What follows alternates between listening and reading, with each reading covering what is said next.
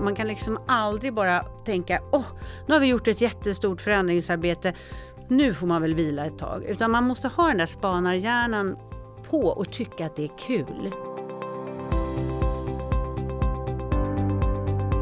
Varmt välkomna till eh, Konkurrenskraft, podden där vi pratar om eh, framtidens beslutsfattande, verksamhetsstyrning och eh, ledarskap.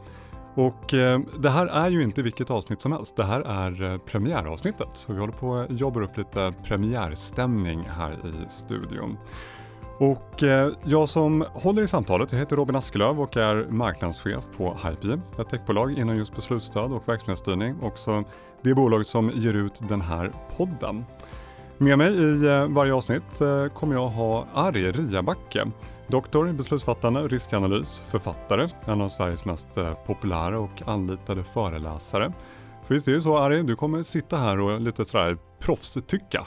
Ja, eh, proffstycka låter jag vara osagt men tycka. Ja, du kommer... Sen hur proffsigt det blir återstår att se. Du kommer hjälpa mig att reflektera lite kring ja. vad, vad, våra gäster säger. För, ja. för Sverige, vi kommer också ha en en gäst i varje avsnitt. Eh, en gäst som har med sig massa erfarenhet, kunskap från, från sitt yrkesområde. Och eh, idag så har vi med Sissi Elvin. Varmt välkommen!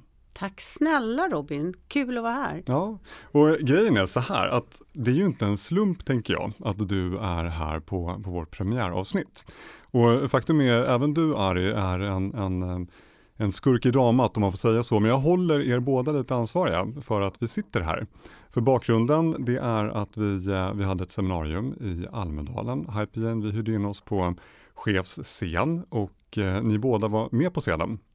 Det var jag som eh, modererade, ni hade sällskap av eh, Patrik Hoffbauer som är koncernchef på Svenska Spel. Han kommer vara gäst i ett avsnitt lite senare. Vi hade med oss Anette Ömossa som är ekonomidirektör i Västerås stad och sammantaget så blev det en riktigt kul mix av perspektiv på, på de här frågorna. Egentligen samma typ av frågor som vi ska prata om här i podden, det här med framtidens beslutsfattande, verksamhetsstyrning och ledarskap. Och eh, vi pratade ju lite innan här, eh, det blev ju bra. Men ja, alltså det var ju galet. Det seminariet var ju det som liksom trendade i hela Almedalen. får man ju tänka på att den konkurrensen är mördande. Mm. Så ja, det, det visar ju att kul. intresset för de här frågorna är gigantiskt. Ja, I alla fall bland de som är i Almedalen. Ja, ja. Uppenbarligen, uppenbarligen. Och när jag kom ner då, eh, där vi träffades i Almedalen, så vi trendade ju nummer ett eh, den dagen och mm. nummer tre totalt på mm. hela veckan. Mm. Nej men verkligen, så det var, det var ju lite sådär galen känsla med, med fullt och folk som stod längs väggarna och tryckte på eh, där bak och sådär för att komma in i salen. Och där minns jag att där satt ju du och jag på en, på en lunch efter det och eh, reflekterade lite över det här seminariet. Och det blev ju ännu tydligare när man tittade på eh, topp 100 trendande seminarier där i Almedalen. För alltså, mediebevakningen av Almedalen, där, där handlar ju nästan allt om politik. Men när man tittar på vad folk är intresserade av, det vill säga vad de faktiskt går på för seminarier, då såg man där att det handlar om digitalisering, framtidsfrågor, ledarskap, chefskap, väldigt mycket om det som är chefens vardag i framtiden. Mm. Och då började vi reflektera kring det här måste vi ju trots allt göra någonting mer av. Och det var där någonstans som idén till, eh, till den här podden föddes. Så ett stort tack till er båda, jättekul att ha er här. Nej men så för att komma, komma in lite på, på det här avsnittet. Jag tänkte då Cissi, du är vår gäst. Ari, du kommer återkomma återkommande här i de olika avsnitten. Men eh, fokus nu på dig Cissi. Jag tänker för att placera dig på, på kartan för de som lyssnar. Många har en relation till dig, för du har varit eh, publik i, i många olika typer av roller genom åren. Eh, lite dagsplock, så eh, du har ju från början varit journalist, bland annat på Sveriges Television, Expressen. Du var en av de första programledarna, om inte den första, för uh, ungdomsprogrammet Bullan för mm. många år sedan. Den första ihop med ja, det var Martin den första Timell. Ja, just det, så var det till och med. Sen har ju du också varit mycket chef själv. Du har ju varit chefredaktör för ICA-Kuriren. Du var publicistisk chef för Forma Publishing Group, en mediekoncern. Från 2006 eh, till 2010 var du vd på Svenska Filminstitutet och sen från 2011 så har du varit vd och chefredaktör för tidningen Chef. Chef på chef. Chef på chef, chefernas chef. Nej, det, det kändes liksom passande. Ja. Och jag tänkte bara för att, liksom värma upp lite sådär, eh, ja. jag kommer göra i varje avsnitt, för man kan behöva värma upp stämbanden och, och, och hjärnan. Tänkte bara några snabba frågor, ja. lite snabba svar, så vi kommer igång. Känns det okej? Okay? Det känns jättebra.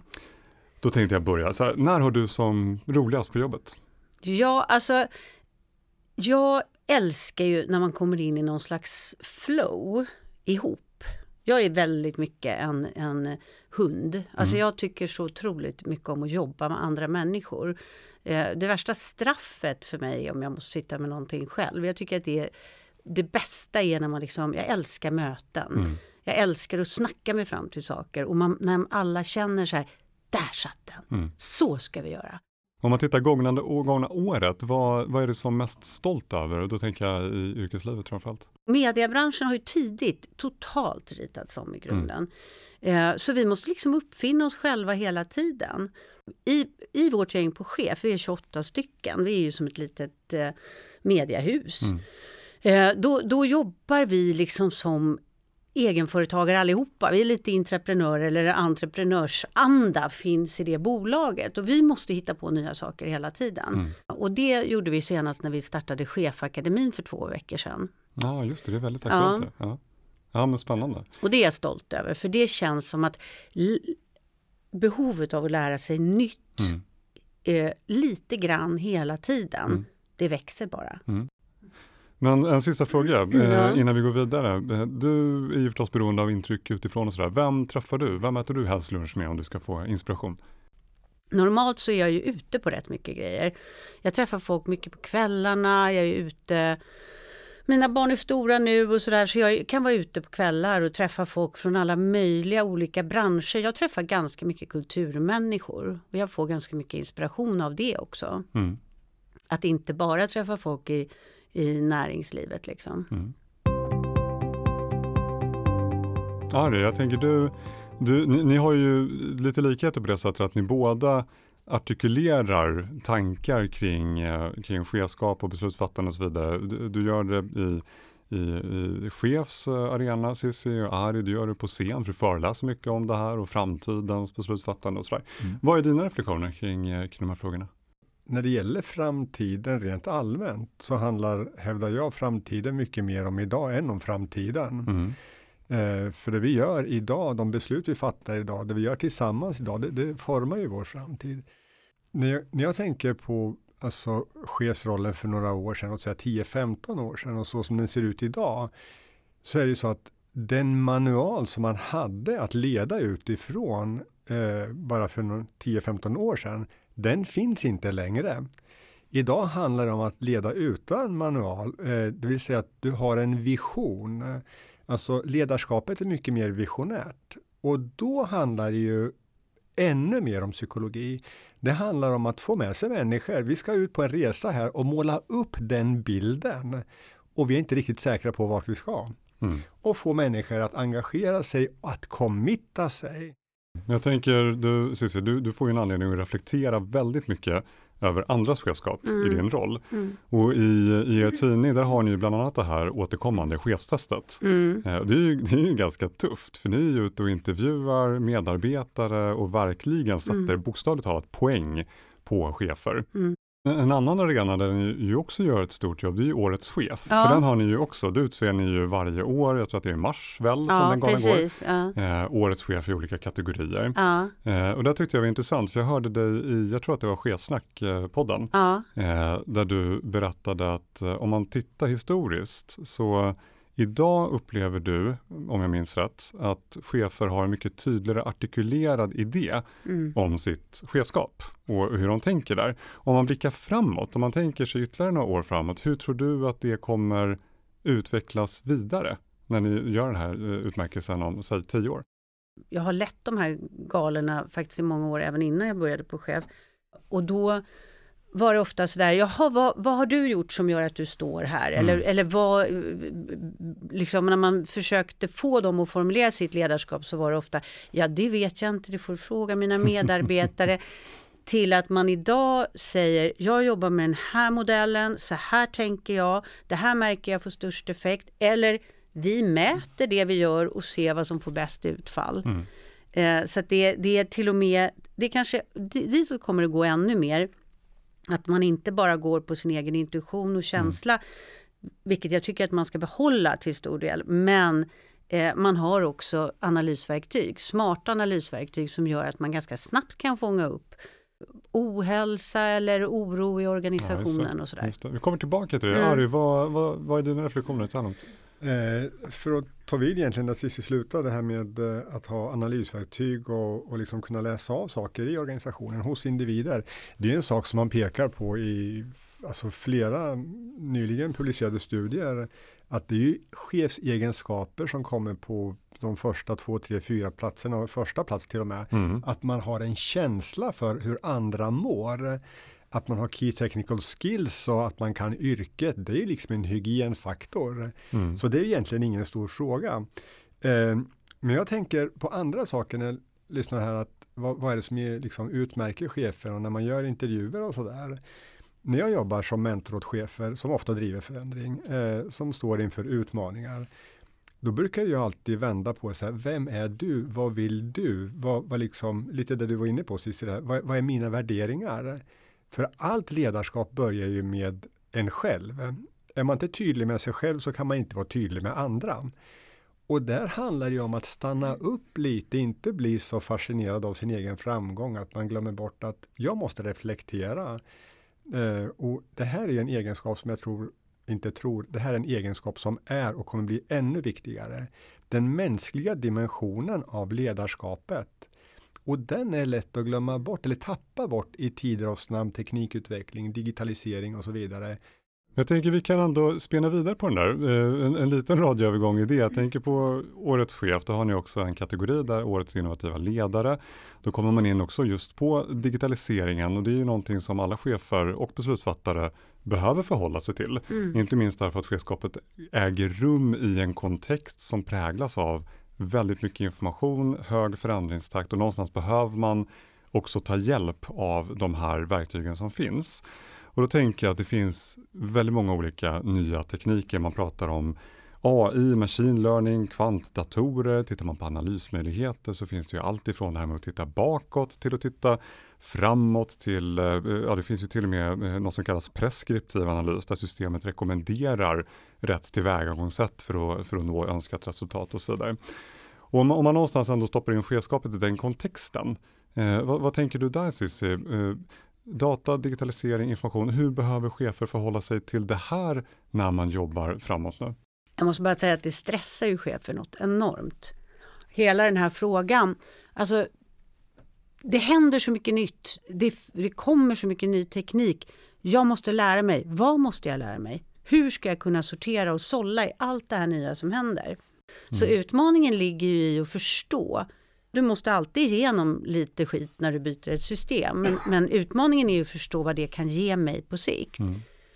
Och att också förstå att det är verktyg. För jag tycker att det finns en övertro, eh, om jag går tillbaka till min bransch eftersom det ändå har varit en, en bransch där digitaliseringens effekter har, har liksom blivit disruptiva så, så kan man ibland tänka sig ja nu ska vi få svaren av våra kunder och alla svar kommer automatiskt och vi, nu jobbar vi datadrivet och då betyder det att ja, allt, liksom en, en, allt kan skötas eh, av, av algoritmer och det kan det inte. Mm. Det ser vi ju. Allt beror på vilken typ av frågor ställer du?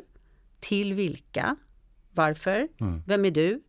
Eh, där, där kommer det också krävas ganska mycket skills av chefer framöver att förstå vilka verktyg som kan hjälpa till med smartare arbetssätt och, och smartare insamling av fakta. Mm. Så att du inte behöver ägna så mycket tid åt det. Men hur man ska analysera faktan och vad man ska använda den till.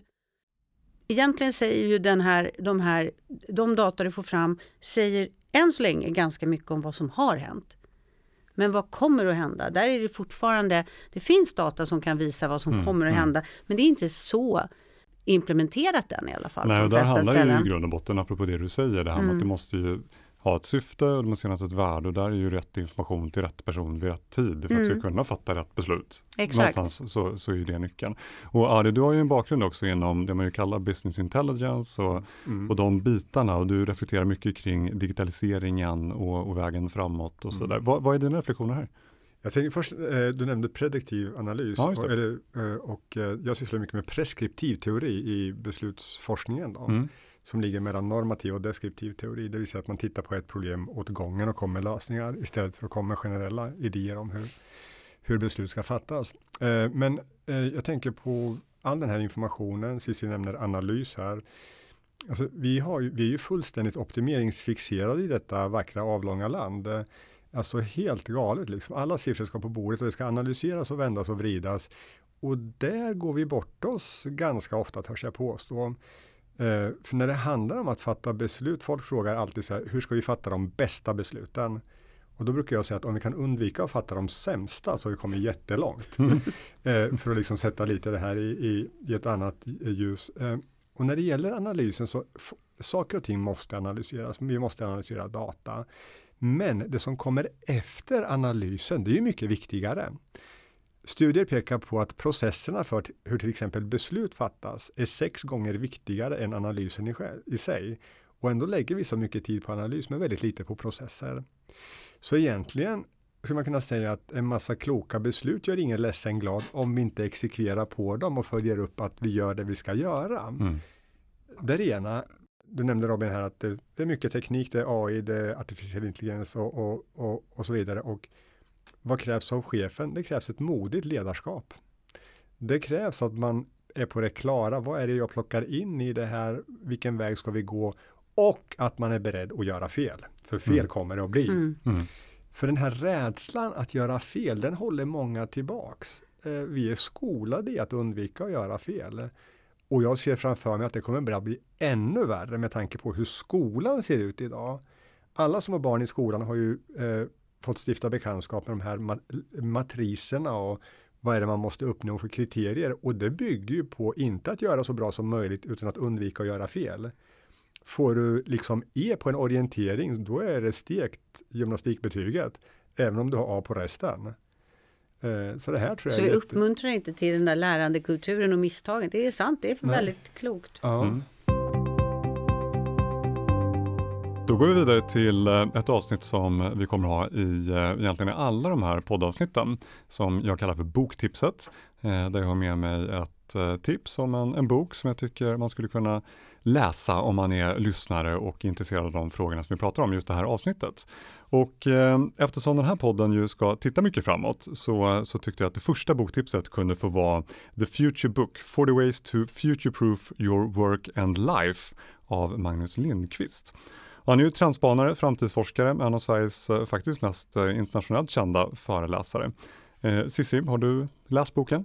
Jag har inte läst boken men jag har lyssnat på Magnus föreläsning. Han var på Filminstitutet när jag var där och höll en framtidsspaning och då, då var det så intressant för då, då pratade han om förändringar som egentligen är jättestora men som vi inte upptäcker. Och då illustrerade han det med att visa en bild på ett landskap i en minut. Och så frågade han efteråt, vad har förändrats här? Och ingen i publiken på 130 pers eh, såg vad det var som hade förändrats.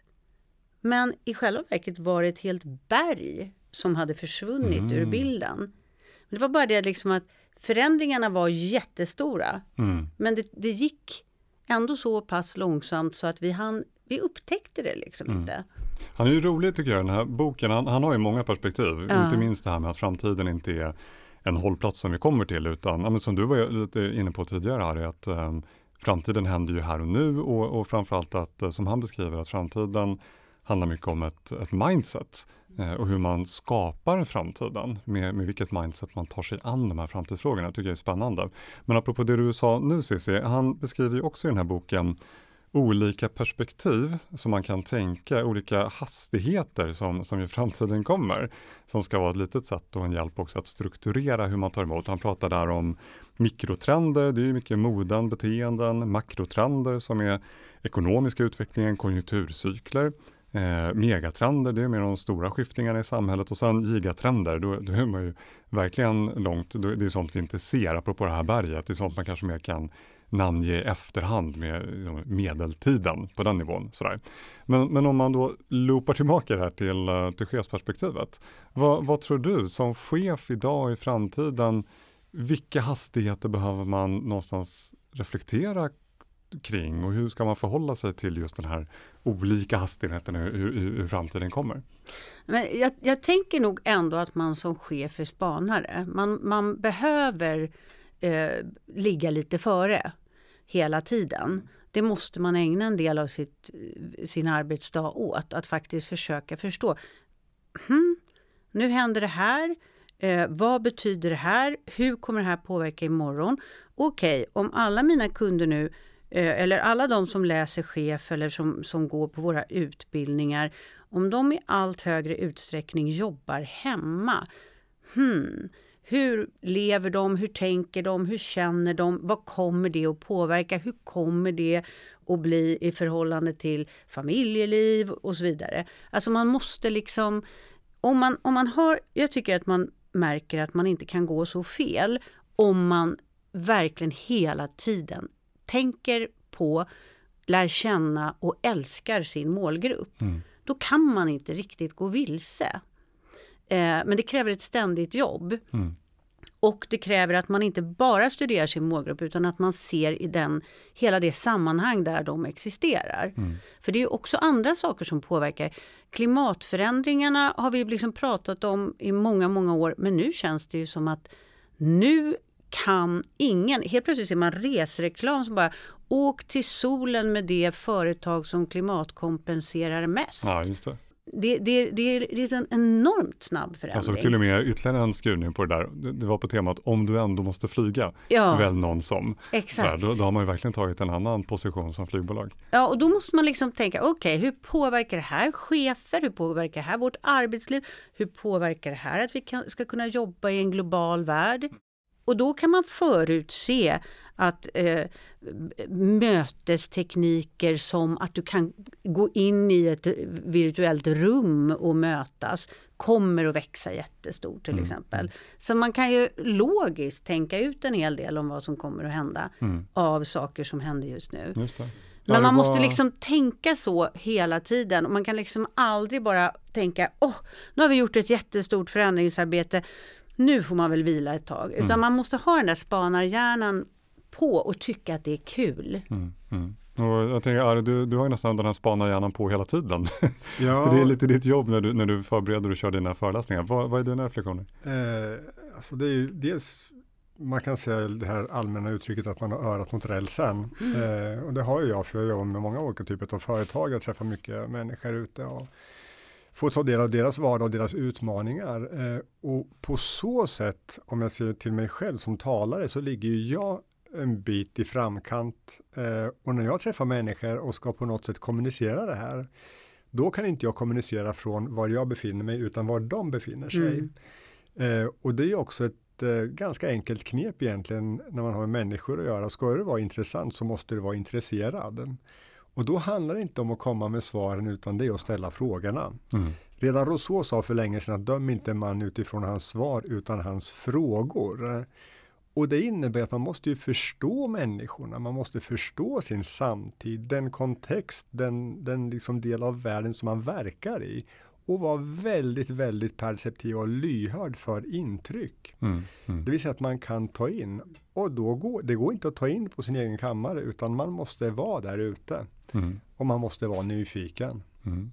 Jag tycker där, du är inne på, på mindset och det är, det är faktiskt ytterligare en del som, eh, som Magnus Lindqvist tar upp i, i den här boken. Han har sju sektioner med olika verktyg eh, som man kan använda då i sitt framtidsskapande som man pratar om. Och ett av dem handlar om det här med att vara possibilist. Mm. Alltså att inte vara negativist och inte vara eh, optimist utan snarare se på framtiden med ett eh, öppet sinne utan att lägga värderingar på det. Mm. tycker jag är spännande. Nej, men så att, sammanfattningsvis eh, kring, kring det här boktipset. Det här väcker många tankar, många reflektioner. Jag kan verkligen varmt rekommendera den, den här boken för alla som vill veta mer.